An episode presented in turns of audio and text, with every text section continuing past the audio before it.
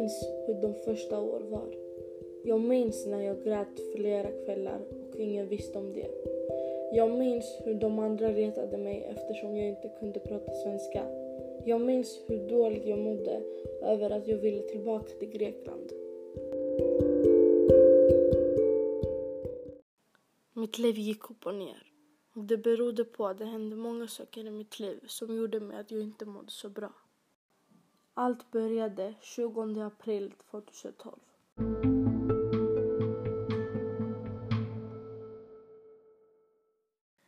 Mina föräldrar hade tänkt att vi skulle flytta till Sverige eftersom Greklands ekonomi förvärras. Min far hade varit i Sverige några månader. Han började arbeta och letade efter en lägenhet där vi kunde flytta. Jag var mitten av tvåan. Jag hade alla mina vänner där. I början när jag fick reda på att vi skulle flytta till Sverige var allt bra. Men efter, när vi hade flyttat, ville jag återvända till Grekland. Jag började i en skola där det fanns många greker och lärare som, från Grekland. Den 30 maj åkte jag till Grekland för att vi hade sommarlov, men jag åkte tidigare. Allt var fantastiskt. Jag var med mina vänner och jag hade saknat dem väldigt mycket. De brukar vara min andra familj. 20 augusti var det dags att åka tillbaka till Sverige och där började det.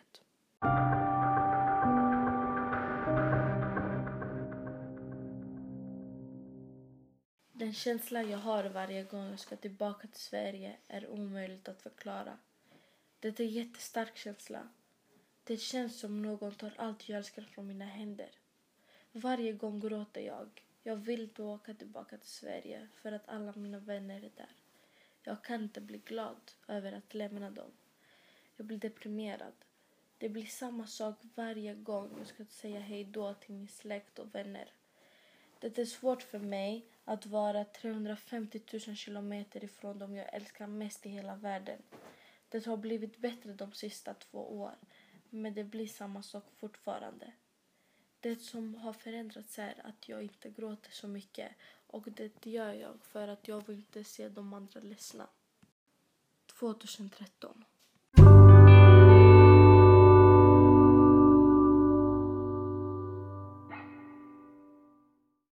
2013 var en jobbig år för mig.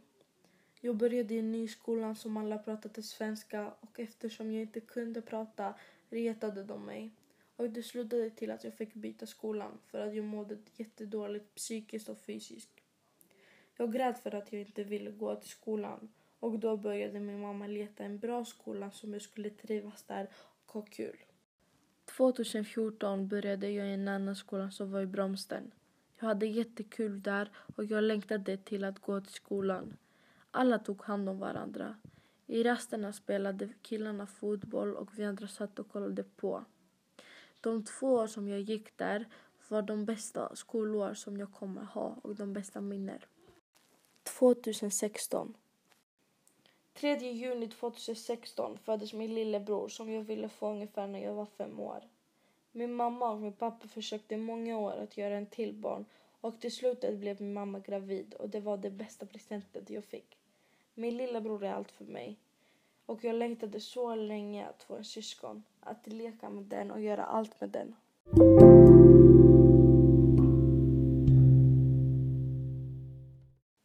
–2019 15 augusti 2019 ville min mamma att vi skulle flytta till Grekland igen. I början ville jag inte. Jag var rädd för skolan.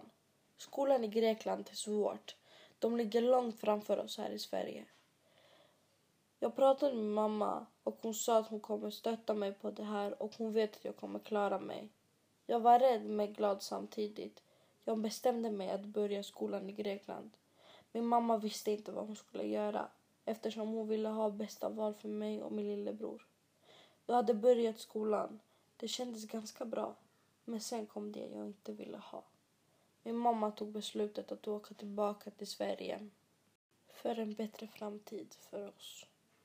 21 september åkte vi tillbaka till Sverige och nästa dag skulle jag gå till skolan.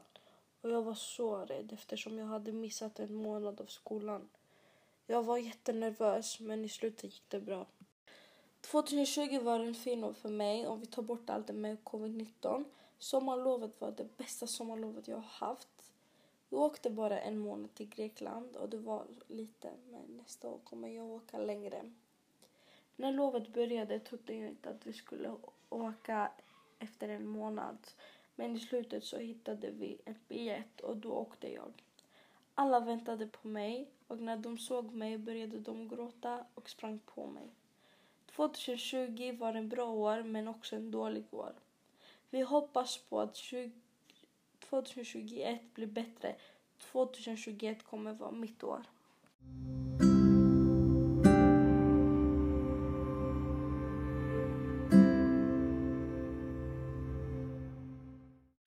Våga prata om det är någon som gör dig ledsen. Du kan prata alltid med en vuxen eller en vän som du känner dig trygg. Om du saknar någon så är det bra att ha kontakt med den personen.